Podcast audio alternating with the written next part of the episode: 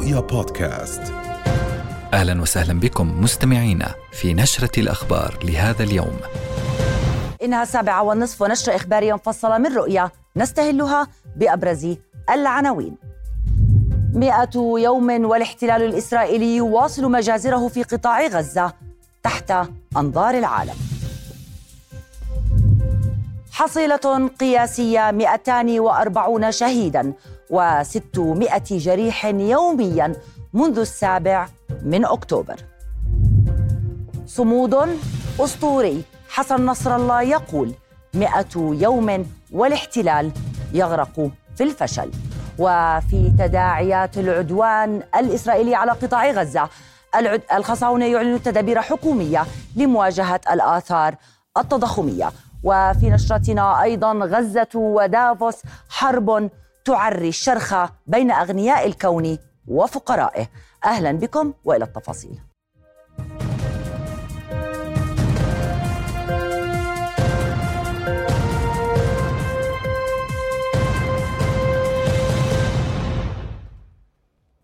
مئة يوم من الحرب كأنها مئة عام لم ينتصر فيها الاحتلال في غزة سوى على الأطفال والمدنيين.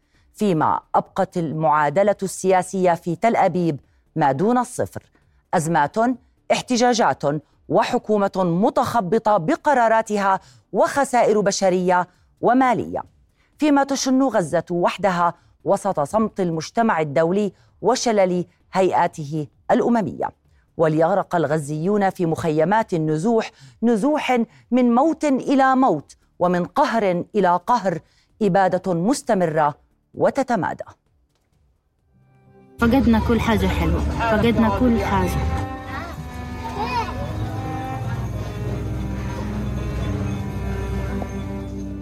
أصعب حاجة في حياتي شفتها شفت حاجات عمري ما شفتها بحياتي ورجعونا يعني بالحرب هذه رجعتنا الحرب لأيام أجدادنا. كيف أجدادنا كانت عايشة حتى بس أيام أجدادنا في أمان كان. هلقيت ما في أمان؟ انت بتطبخ وانت خايف تنقصر بتطلع تشتري الحاجة من السوق بالأسعار الغالية برضه بتخاف فيش أمان بالمرة. نفسية تدمرت تماما ما فيش عنا أمل إنه نرجع على بيوتنا. إحنا قاعدين بنفكر إنه هم وين بدهم يوصلونا أكثر من هيك. معاناة إحنا بنعيش.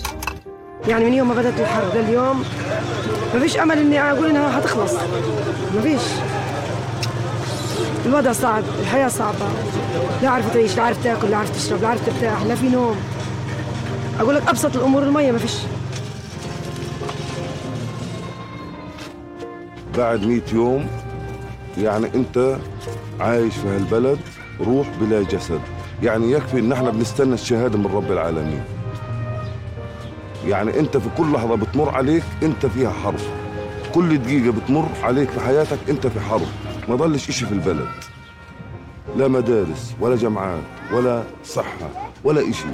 مستقبل الأطفال هدول كلهم. كيف بده يكون؟ كيف بده يتكون؟ كيف بده يعيش الإنسان بعد هيك؟ هي المشكلة مش في الحرب. المشكلة ما بعد الحرب. مأساة الحرب هي بعدها.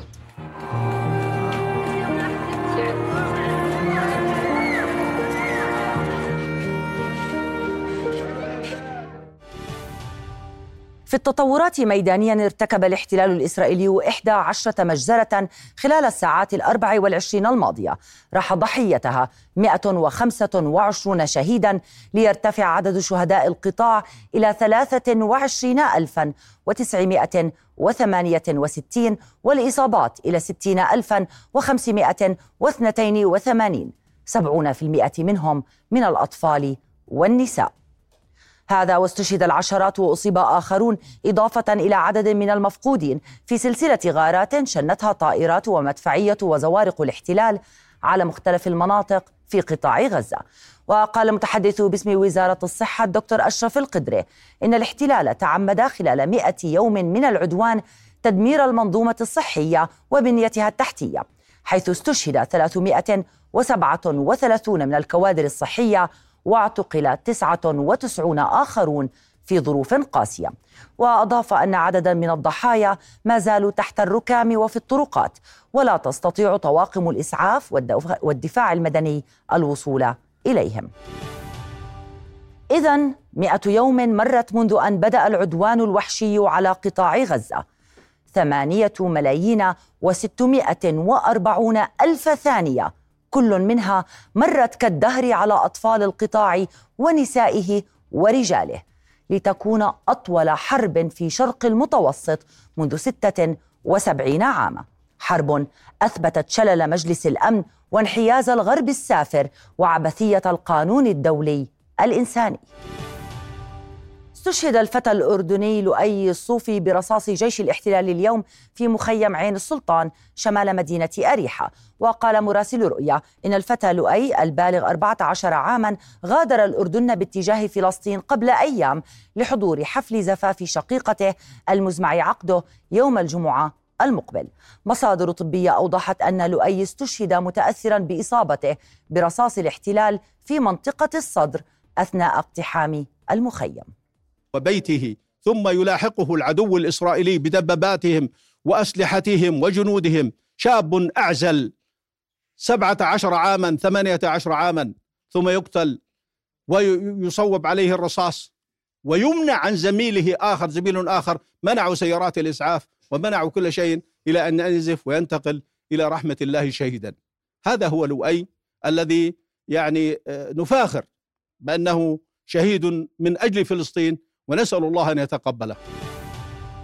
أعلنت كتائب القسام الذراع العسكري لحركة حماس أنها قصفت أسدود المحتلة برشقة صاروخية من طراز مقدامة إم 75 ردا على مجازر الاحتلال بحق المدنيين في القطاع. وفي وقت سابق أعلنت كتائب القسام أنها قصفت حشودا لقوات الاحتلال المتوغله في مخيم البريج وسط قطاع غزة بقذائف هاون.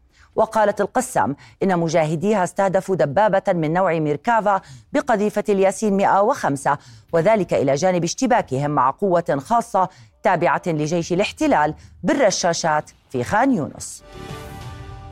وفي عداد الخسائر الإسرائيلية أعلن جيش الاحتلال مقتل ضابط احتياط وجندي من سلاح الهندسة فيما أصيب 12 آخرون خلال المعارك مع حركة المقاومة حماس جنوب قطاع غزة. وبهذا ترتفع حصيلة قتل جيش الاحتلال المعلنة إلى 523 ضابطا وجنديا في قطاع غزة منذ السابع من أكتوبر تشرين الأول الماضي. هذا وأكد جيش الاحتلال إصابة 1106 عسكريين منذ بدء العملية العسكرية عفوا البرية في القطاع. إصابة 240 منهم خطيرة.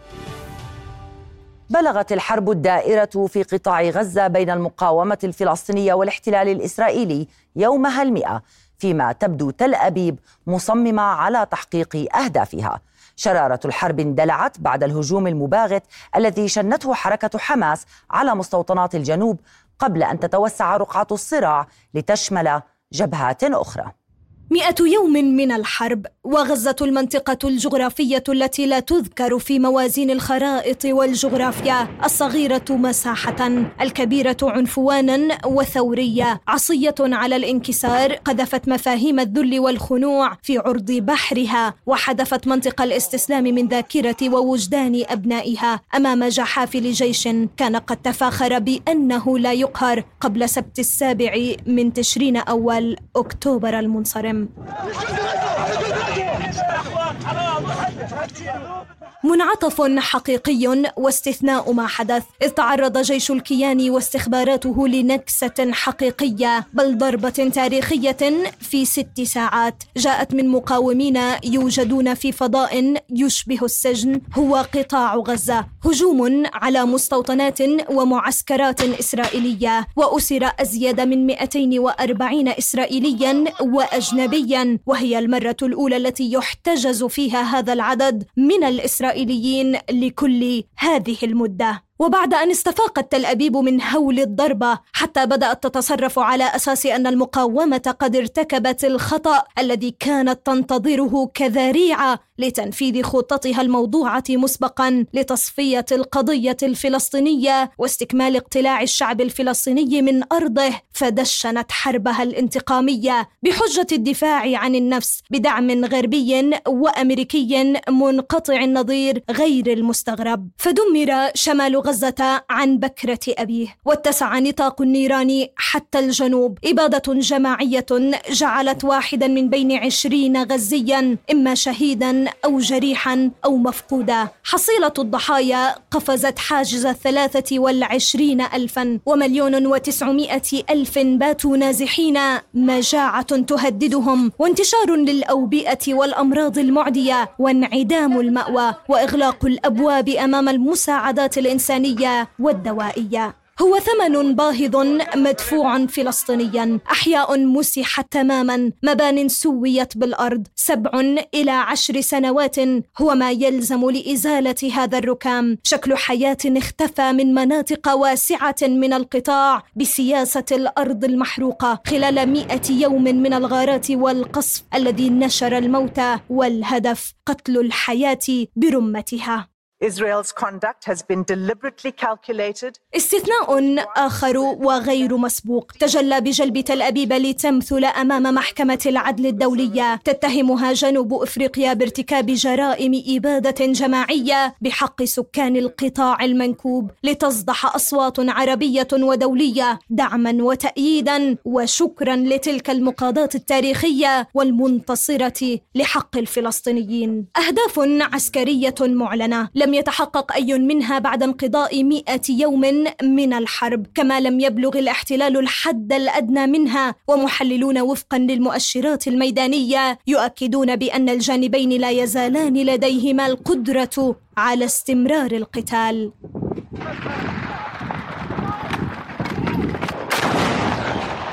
تعيش هذه الأيام غزة على وقع سيمفونية وحشية بقيادة الكيان الصهيوني الغاصب الذي لا يأبه بالقانون الدولي ولا بالأمم المتحدة ولا بمجلس الأمن إلا أن غزة تلك البقعة من الأرض نذرت نفسها لأن تكون مصدر القلق والتحدي لكل من يحاول طمس الهوية الفلسطينية ومسح معالم الحق الفلسطيني في أرضه ومقدساته وحريته.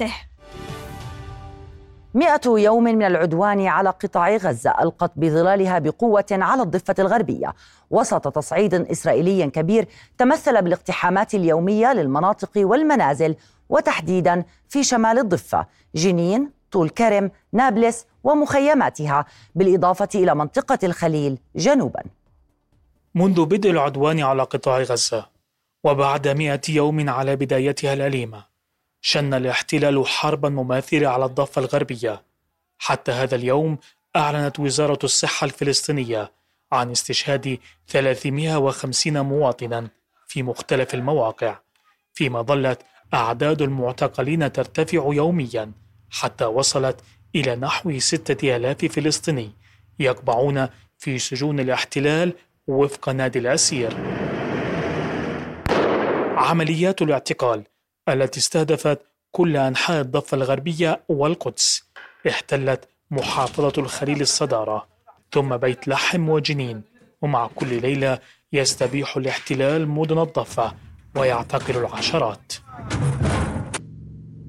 في الاجتياحات اليومية تصدرت مدن شمال الضفة المشهد وفي المخيمات تحديدا فكانت جنين ومخيمها في الواجهة وطول كرم بنور شمس ومخيم طول كرم ونابلس وبلدتها القديمة ومخيماتها ثم طوباس والفارعة والفوار والعروب. وفي كل مكان فلسطيني عمليات الاجتياح استمر بعضها لأيام وخلفت العشرات من الشهداء. تدمير البنية التحتية كانت هدفا من أهداف الاحتلال في الضفة الغربية. وظهر ذلك جليا خلال عمليات الاقتحام التي تبدأ بدخول الجرافات العسكرية. فلم يتبقى شارع ولا نصب تذكاري ولا شجرة ولا واجهة محل أو جدار بيت دون تدمير من أجل خلق فجوة بين الشارع الفلسطيني وشبان المقاومة. الإغلاقات كانت من عناوين جرائم الاحتلال في الضفة حيث عمد إلى تقسيم المدن الفلسطينية وفصلها عن بعضها البعض ووضع العشرات من البوابات الحديدية ونصب الحواجز والمكعبات الإسمنتية والسواتر الترابية في كل مكان. أطلق جيش الاحتلال النار على شابين فلسطينيين قرب مستوطنة شمال الخليل ما أدى إلى استشهاد أحدهما وإصابة الآخر. وكانت وسائل إعلام عبرية ذكرت أن الجيش أطلق النار على شابين فلسطينيين قرب مستوطنة جوش عطسيون شمال الخليل بزعم محاولة تنفيذهما عملية قرب المستوطنة. يتظاهر الآلاف من الإسرائيليين في تل أبيب منذ ليلة أمس للمطالبة بإطلاق سراح المحتجزين لدى المقاومة الفلسطينية في قطاع غزة بينما يطالب آخرون بوقف الحرب. يأتي ذلك وسط تأكيد رئيس حكومة الاحتلال الإسرائيلي بنيامين نتنياهو بأن الحرب ضرورية على حد زعمه وستستغرق عدة أشهر.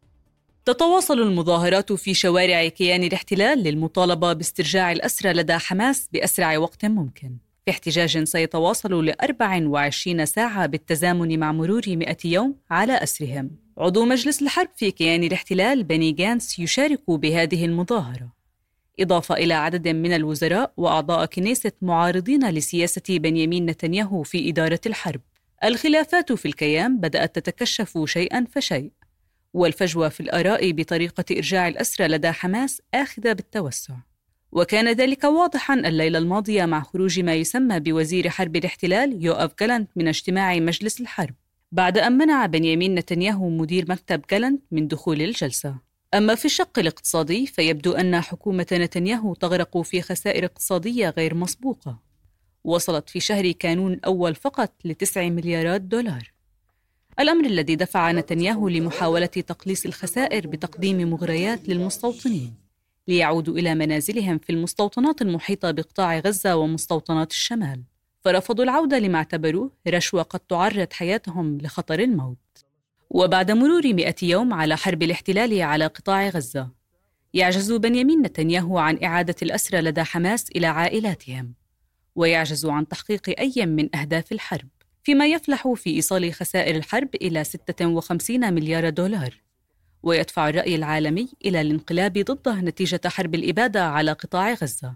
فشل دفع أكثر من 71% من المستوطنين للمطالبة بتنحيه ومحاسبته. تنضم إلينا الآن مباشرة من مدينة رام الله مراسلتنا أسيل سليمان. أهلا بك أسيل. أريد أن أبدأ من حيث انتهى التقرير. إذا هناك مظاهرات في تل أبيب. وهناك عدة مطالب لوقف الحرب ولإطلاق سراح المعتقلين. ما أبرز القراءات السياسية للخلافات في تل أبيب إن كان في الشارع وإن كان في حكومة الحرب. نعم تحاول الحكومة امتصاص هذا الغضب المتجدد لنقل التي آه، لا يخمد وإنما تحاول هذه الحكومة أن تشتري سكوت آه، الشارع الإسرائيلي والمستوطنين طبعا بعدة لقاءات أو آه، لنقل اجتماعات هنا وهناك على مستوى الكنيسة من جهة وعلى مستويات يعني أصغر في الحكومة أو حكومة الاحتلال. ولكن بات أهالي المحتجزين أو لدى قطاع لدى عفوا المقاومة التي تحتفظ بهم المقاومة في قطاع غزة. باتوا يدركون أن حكومتهم غير قادرة على إبرام صفقة تبادل جديدة خاصة بعد اغتيال الشيخ القائد في حركة حماس صالح العروري حيث توقفت أو أعلنت حماس أنها ست يعني ستوقف أي جهود رامية للوصول لصفقة تبادل أسرى مع الاحتلال. هذا من جهة. من جهة أخرى في إطار الحديث عن أي صفقة تبادل الآن. آه، المقاومة أعلت سقف آه، مطالبها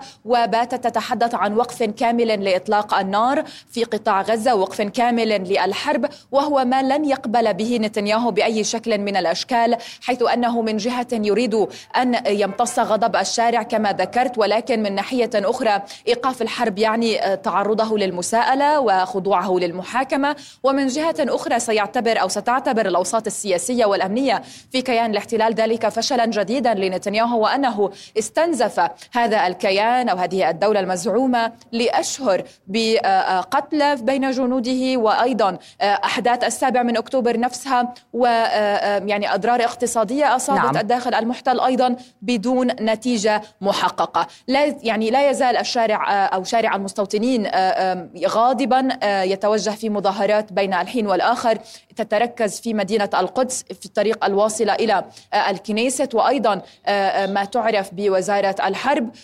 مطالبين ورافعين هتافات تطالب بصفقة تبادل جديدة ولكن لا أفق لها في أي وقت قريب على الأقل.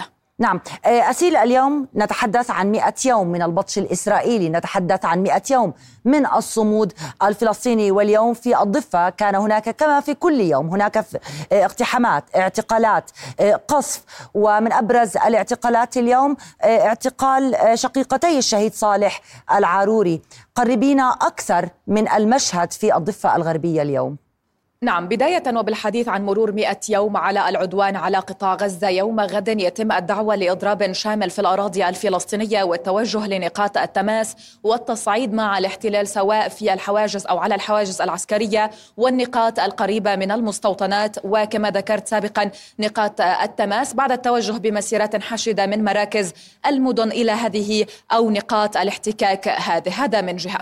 من جهة أخرى وبالحديث عن المستجدات الميدانية أصيب شاب بالرصاص الحي بمنطقة القدم في قرية إذنا غرب الخليل بعد أن اقتحمتها قوات الاحتلال وأغلقت جميع المداخل الرئيسية والفرعية المؤدية للمدينة وفرضت حصارا على ما يبدو عليها ونفذت أيضا عدة اعتقالات لشبان من القرية. وبالحديث عن مدينة الخليل فهي من المدن الرئيسية التي تتعرض هي ومنطقة مسافر يطا فيها وقراها المجاورة أيضا للاعتداءات الشديدة منذ السابع من أكتوبر. مرت فترة فترة تعرضت فيها البلدة القديمة في مدينة الخليل إلى منع تجول كامل لمدة ثلاثة أسابيع لم يتحرك فيها المواطنون من بيوتهم. أما اليوم فمسافر يطا وهي عبارة عن منطقة تضم تجمعات بدوية كلها مهددة بالترحيل الفوري آه، آه، تتعرض للمضايقات ومخططات التهجير والعزل أيضا سواء الجغرافي والبشري عن محيطها من قرى ومدن. اليوم اقتحمت قوات الاحتلال هذه المنطقة منطقة مسافر يطا جنوب الخليل بالتحديد واعتقلت على الأقل سبعة مزارعين وقامت بتبليغهم ب أو تبليغ عائلاتهم بإبلاغ التجمعات البدوية التي يسكنونها. وهذا يقودنا إلى أمر آخر. الأغوار الفلسطينية التجمعات البدوية القريبة من مدينة أريحة على سبيل المثال أو الأغوار الفلسطينية بشكل عام كلها الآن نصب عيون المستوطنين الذين يعني نجحوا حتى الآن في أن أو تمكنوا من الاستيلاء أو من ترحيل مئة عائلة أو تجمع بدوي على الأقل ما يعني مئة بؤرة استيطانية جديدة. وفي المستقبل 100 مستوطنة جديدة. بعضها بدأوا يعملون على ربط المستوطنات القريبة من بعضها البعض من خلالها أو أن يشقوا لربما طرقا استيطانية تربط بين مستوطنات معينة قريبة أيضا من بعضها. وذلك يعني السيطرة على جميع الأراضي التي تربط بين هذه المستوطنات وإخلاء البيوت آه، التي تقع على هذه آه، الأراضي. بالحديث عن الاستيطان أيضا في مناطق جنين وقلقيلية المناطق المتاخمة والأراضي المتاخمة لجدار الفصل العنصري يتم آه، سحب ومصادرة أراضي متاخمة لها تقع على عليها بيوت فلسطينية لغرض توسعة الجدار وبناء وحدات إسمنتية جديدة في جدار الفصل العنصري. أما بالحديث عن حملات الاعتقال التي مرت منذ أو تمت منذ الليلة الماضية وحتى صباح اليوم فسجل نادي الأسير على الأقل 25 حالة اعتقال من بينها كما ذكرت شقيقتا أو عفوا الشهيد صالح العروري الذي اغتيل قبل آه، آه، عدة أيام في العاصمة بيروت آه، وكما قامت أيضا باعتقال عدد من المواطنين من قرى ومناطق شمال مدينة رام الله التي كانت إحدى أبرز المناطق التي يتم اقتحامها الليلة الماضية نعم. نتحدث عن بلدة بير زيت بلدة عرورة وغيرها من المدن الواقعة شمالا. كما تعرضت كل من قلقيلية وجنين لاقتحامات عنيفة. الليلة الماضية استمرت عدة ساعات شنت خلالها حملة اعتقالات نعم واسعة. ختاما في بلدة عزون شرق مدينة قلقيل اقتحمت قوات الاحتلال مدرسة بعد خلع أبوابها. ما يدفع المواطنين الآن في عزون إلى التفكير بعدم إرسال أبنائهم إلى المدارس يوم غد. نعم من رام الله أسيل سليمان شكرا جزيلا لك. بعد إعلان الاحتلال عن عملية تسلل من الحدود اللبنانية الجنوبية باتجاه مزارع شبعة من قبل مجموعة أشخاص نصبوا كمينا لقوة إسرائيلية أوقع خمسة جرحى إسرائيليين تبنت مجموعة جديدة تطلق على نفسها اسم كتائب العز الإسلامية العملية التي ارتقى ثلاثة من منفذيها فيما تمكن مجاهدان اثنان من العودة سالمين. وقالت المجموعة إن العملية جاءت ردا على اغتيال الشهداء صالح العاروري وسمير فندي وإخوانهم في بيروت. في السياق تواصلت المواجهات بين حزب الله وجيش الاحتلال فأعلن الحزب عن خمس عمليات عسكرية شنها على مواقع للاحتلال بين مرابض للمدفعية وتجهيزات تحسسية وتجمعات للجنود. وأعلنت هيئة الإسعاف الإسرائيلية مقتل شخص وإصابة آخر بصاروخ مضاد للدروع على الحدود مع لبنان. وكان القصف المدفعي الإسرائيلي اليوم تركز على أطراف بيت ليف ومروحين وأطراف بلدات الناقورة وعلم الشعب وعيت الشعب وحولة وميس الجبل. دعا الأمين العام لحزب الله اللبناني حسن نصر الله إلى التعاون من أجل توفير عناصر الصمود في معركة طوفان الأقصى التي لا يعرف مداها حتى الآن. وفي خامس إطلالة له خلال 100 يوم قال نصر الله 100 يوم وغزة تقاوم وصامدة بشعبها بشكل أسطوري لم يشهد التاريخ له مثيلة ويأتي هذا الخطاب بعد أسبوع على استشهاد القيادي في حزب الله اللبناني وسام طويل الملقب بالحاج جواد. أن ما فعله الأمريكي في البحر الأحمر سيضر بأمن الملاحة البحرية كلها. حتى السفن المش رايحة على فلسطين حتى السفن المش إسرائيلية حتى السفن المائلة علاقة بهذا الموضوع. لما البحر الأحمر صار ساحة قتال وصواريخ ومسيرات وبوارج اختل الأمن. فإذا كان هناك نسبة 95% من الأمن للملاحة البحرية العالمية الدولية. في البحر الأحمر فهؤلاء المستكبرون الأغبياء الحمقى قاموا بتدميره الآن. ولن يستطيعوا أن يحموا إسرائيل. وكل هذا من أجل ماذا؟ من أجل حماية إسرائيل. من أجل تخفيف الضغط على إسرائيل. أنا قرأت في بعض مواقع التواصل الاجتماعي بعض الأشخاص رجال نساء يكتبون كلمات جميلة. وأحيانا يكتبون أمور عفوية ونقاشات عفوية أيضا. البعض يقول ممن يسخر من جبهات بيقول طيب إذا اليمن عن جد مش مفيدة ولبنان مش مفيدة والعراق مش مفيد ليش الأمريكان قتلين حالهم هيك يعني؟ عم بيورطوا حالهم بحرب باليمن وبحرب بالعراق وبيهددوا لبنان بحطوه على حافة الحرب إذا هي الجبهات غير مفيدة وغير مؤثرة. طبعا الأمريكي يحاول أن يقدم أنه في تحالف دولي وهذا تحالف غير صحيح. يعني والله من هون ضابط من هون جنرال بس الحلف هو أمريكي بريطاني. وأدخلوا في هذا التحالف دولة عربية واحدة اسمها البحرين. في عالم المال والأعمال قراءة في حركة المطارات الأردنية الثلاث مع حمدان عايش. إليك حمدان. شكرا لنا.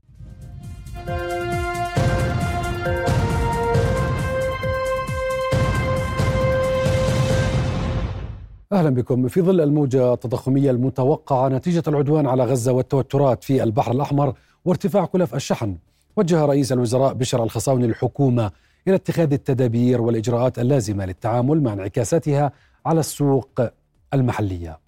وأعلن الخصاونة خلال اجتماع لمجلس الوزراء عن توجيه المؤسستين الاستهلاكيتين لتوفير مخزون كاف من المواد الأساسية وبأسعارها الحالية حتى نهاية شهر رمضان المبارك.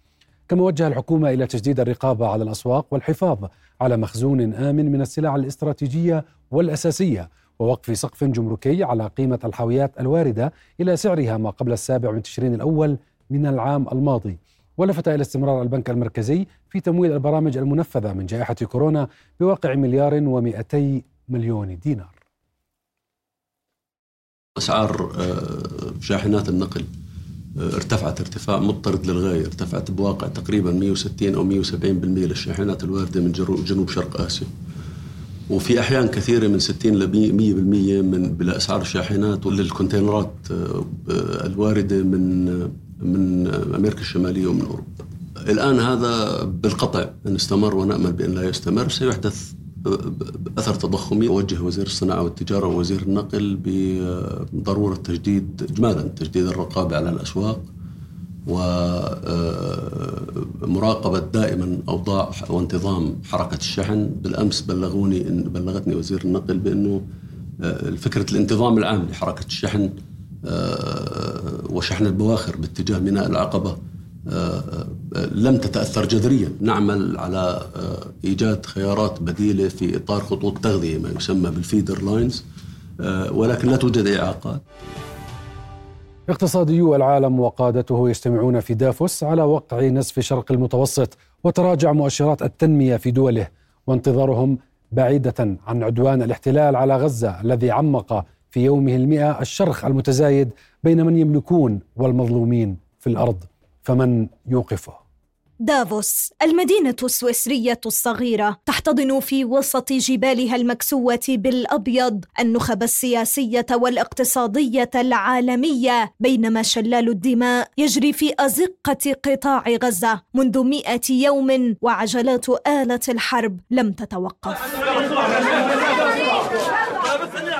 من غزة إلى أوكرانيا إلى البحر الأحمر. عناوين تحملها جبال الألب السويسرية في أجوائها الباردة إلى المتنفذين وأصحاب رؤوس الأموال الذين يجتمعون في منتجع دافوس على مدار خمسة أيام. وهم المسؤولون عن الأزمات والحروب كما وصفهم الشباب السويسريون المناهضون للمنتدى وتركيبته الرأسمالية. تجنب اتساع الصراع في شرق المتوسط. هذا ما يبحثه أكثر من ستين رئيس دولة ورئيس حكومة ومئات القادة الاقتصاديين المشاركين في المنتدى العالمي دافوس المنتجع الذي يرتفع 1500 متر فوق مستوى سطح البحر. أنظار هذه النخبة السياسية الاقتصادية تتجه بعيدا عن قطاع غزة الواقع فوق تلة صغيرة على ارتفاع 45 مترا عن سطح البحر يكافح للبقاء وأهله تحت وطأة المجاعة والمرض وقصف الاحتلال.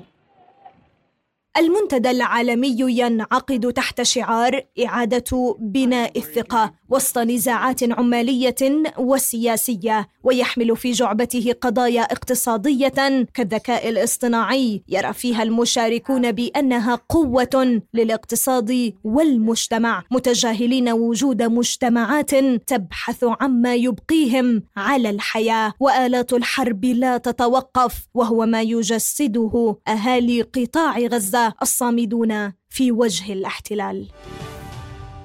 مع دخول العدوان على غزة يومه المئة من المتوقع أن تصوت حكومة الاحتلال اليوم على الميزانية المعدة للعام الحالي بعز يصل إلى 6% من الناتج الإجمالي. وفقا لمسودة الميزانية ستؤدي الحرب على غزة التي بدأت في السابع من أكتوبر تشرين الأول الماضي إلى تراجع النمو الاقتصادي للعام بمقدار 1.1 نقطة مئوية. محافظ البنك المركزي لحكومة الاحتلال قدر كلفة الحرب على غزة بنحو 56 مليار دولار وطالب الحكومة الالتزام بالانضباط المالي وتعويض الإنفاق المخطط له مع تخفيضات على المجالات غير الأساسية أثناء رفعها بعض الضرائب. ووافقت حكومة الاحتلال العام الماضي على ميزانية لمدة عامين للعام 2023-2024 لكن الحرب على غزة أربكتها ماليا ودفعتها لإعداد موازنة جديدة.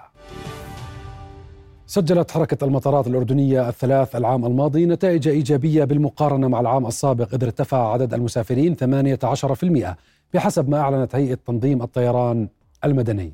رئيس مجلس مفوضي هيئة تنظيم الطيران المدني الكابتن هيثم مستو قال إن حركة المسافرين عبر المطارات عادت في العام الماضي إلى مستوياتها في 2019 ما قبل كورونا وحققت 3% نمواً.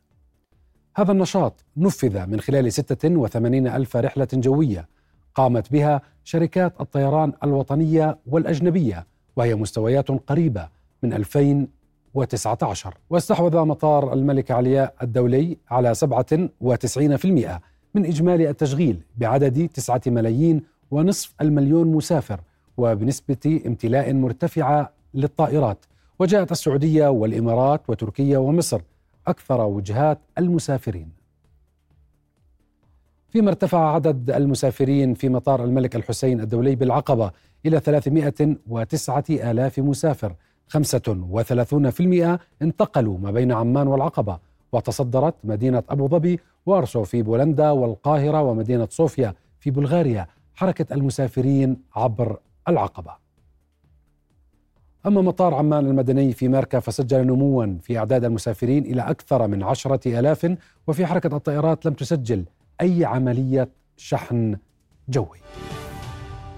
كشف رئيس سلطة منطقة العقبة الاقتصادية الخاصة نايف الفايز عن خطة لتشجيع الاستثمار من خلال الإعفاءات الضريبية وتغيير صفة استعمال قطع أراض لغايات الاستثمار.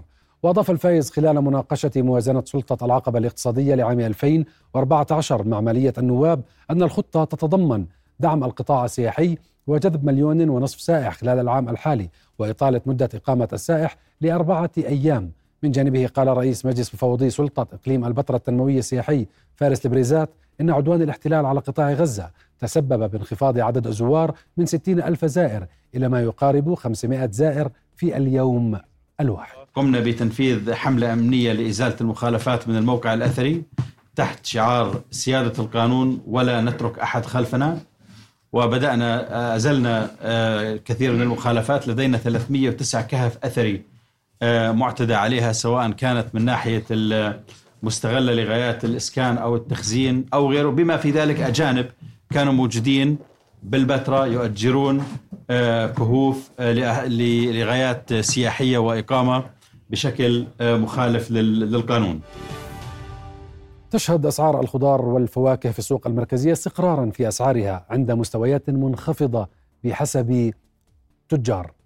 ورجع التجار الانخفاض إلى تراجع مستوى الطلب ووفرة المعروض نتيجة عدم تعرض المحاصيل لموجات صقيع تؤثر على الإنتاج، ويتراوح سعر كيلو البندورة اليوم داخل السوق المركزية بين 15 إلى 20 قرشا، والخيار بين 30 إلى 40 قرشا، والبطاطا بين 20 إلى 30 قرشا، فيما بلغت الكميات الواردة للسوق 3373 طنا. استحوذت الخضار على الجزء الأكبر بحجم 2166 طنا.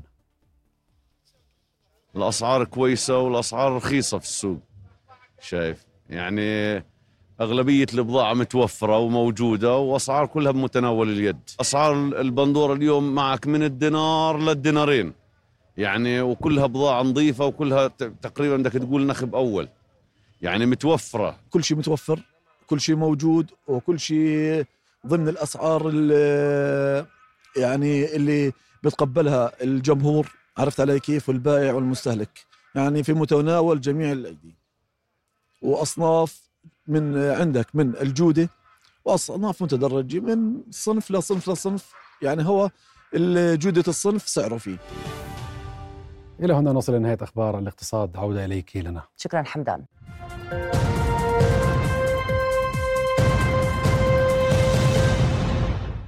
أهلا بكم وإلى مجموعة من محلياتنا.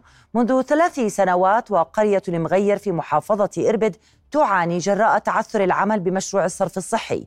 إذ أدى ذلك إلى شلل حياة السكان اليومية لتضاف إلى معاناة أصحاب المحال التجارية من العواقب الاقتصادية والاجتماعية لهذا التعثر. التفاصيل في التقرير التالي. منذ أشهر توقف منذر عن العمل وباتت أجرة محله وفواتير الكهرباء المتراكمة عبئا عليه سبب توقفه عن العمل واضح. فهذه الحكريات لمشروع الصرف الصحي قطعت الطريق أمام زبائنه. قبل سنة جاء مشروع الصرف الصحي على بلدة المغير بالتحديد قبل ثلاث شهور وهم باب محلي حافرين و... وأمورهم زادت عن حدها وقاعدة بتتراكم علينا فواتير كهرباء على محلاتنا واجاراتنا وحتى مصاريف الواحد بيته يا دوب يقدر يطلعها صار. يعني أمور زادت عن حدها كثير كثير زيادة عن اللزوم. حال منذر لا يختلف كثيرا عن أحوال سكان قريته المغير. الواقعة شرق مدينة إربد الذين ينتظرون إنهاء أعمال المشروع منذ أشهر. من أول ما بلش المشروع اخترب بيتنا لا بنشتغل ولا بنعتمد. كل يوم خسارتي 30 40 دينار. آه. والمشروع بكرة بخلص بعد بكرة بخلص وبعضهم مش خالصين. أنا والله كل الحياة سمع الله. لا لا يراتب لا لا يتقاعد ولا أي شيء. آه، مشكلة عندنا الحفريات تون صار لها تقريبا بيجي سنة. بنعاني آه، منها من الغبرة. السيارات تكسرت. شايف؟ آه، قعدت خمسة أشهر وأنا مكسور من أول الحفريات. رحنا على مسؤول المشروع ما تعرفش. رحنا على عضو البلديه ما تعرفش. اللي مركزيه مش متعرف. النائب مش متعرف. ولا حدا متعرف علينا ولا حدا اطلع علينا. مشروع متعثر. بهذه العبارات يصف رئيس اللجنة المحلية في منطقة المغير الوضع القائم. آه، طبعا إحنا بنراجع مدير المشروع. مدير المشروع بيقول آه، المشكلة مع الأشغال العامة.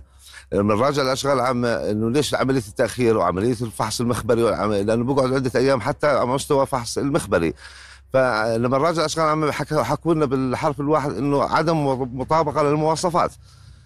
آه، وإحنا الآن عالقين بهذا المو... عالقين بهذا المشروع. وأخذ وقت طويل يعني صار له أكثر من سنة ولسه ما في أي إنجاز. ثلاثة أعوام مضت على البدء بتنفيذ هذا المشروع. والذي قدر له عامين من العمل.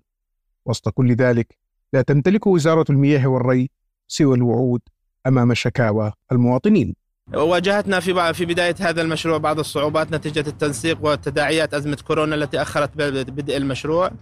تحاول سلطة المياه إن شاء الله تدارك هذا الأمر بإجراء التنسيق مع البلدية مع بلدية إربد الكبرى ومع مديرية أشغال محافظة إربد. لتدارك التأخير الذي حصل في هذا المشروع وسنقوم باتخاذ أي إجراءات مستقبلا في حال تقصير المقاول في إتمام أعمال هذا المشروع إن شاء الله. يخدم هذا المشروع منطقتي المغير وحكمة اللتين يسكن فيهما أزيد عن 35 ألف نسمة ووصلت كلفة إنشائه إلى نحو 13 مليون دينار وقد أنشئ بغرض حفظ المياه الجوفية من خطر التلوث الذي ينجم عن الحفر الامتصاصية في المنطقتين أظهرت مشاهد جديدة حصلت عليها رؤية من سكان حي بني عطا في وادي موسى ازدياد مشكلة التشققات في الطريق وفي محيط مسجد المصلى الكائن في الحي. وأظهرت المقاطع المصورة الجديدة توسعا في التشققات والازدحامات الأرضية. تزامنا عفوا والازاحات الأرضية تزامنا مع المنخفض الجوي الأخير. وكان متصرف لواء البتراء أصدر تعليمات نهاية الشهر الماضي بإخلاء 18 أسرة لمنازلهم بسبب التصدعات التي طالت مساكنهم. فيما أغلقت أوقاف وادي موسى المسجد الذي تعرض إلى إزاحة من مكانه بنحو سبعة سنتيمترات. تحت عنوان أغيثوا غزة أقيمت في جمعة في جمعية عقرب الخيرية. حملة للتبرع بالدم شارك فيها المئات من أبناء محافظة الزرقاء بالتنسيق مع بنك الدم في وزارة الصحة.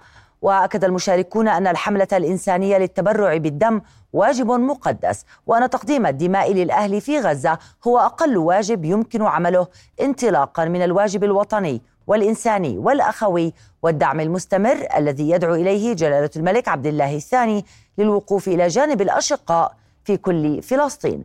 وشهدت عملية التبرع إقبالا كبيرا من أهالي مدينة الزرقاء للمساهمة في إنقاذ الأرواح ومساعدة ومساندة المصابين. هذه الحملة انطلقت لدعم أهلنا وإخواننا وأشقائنا في غزة للتبرع آه، بالدم. وهذا الجهد قليل آه، بالنسبة لما يقدموه من تضحيات آه، دفاعا عن الأمة. الأعداد آه، ستفوق 700 وحدة دم إن شاء الله لهذا اليوم. وكل الشكر لأهل الزرقاء اللي بادروا بأعداد كبيرة. بهذا نكون قد وصلنا لنهاية نشرتنا الإخبارية بأمان الله.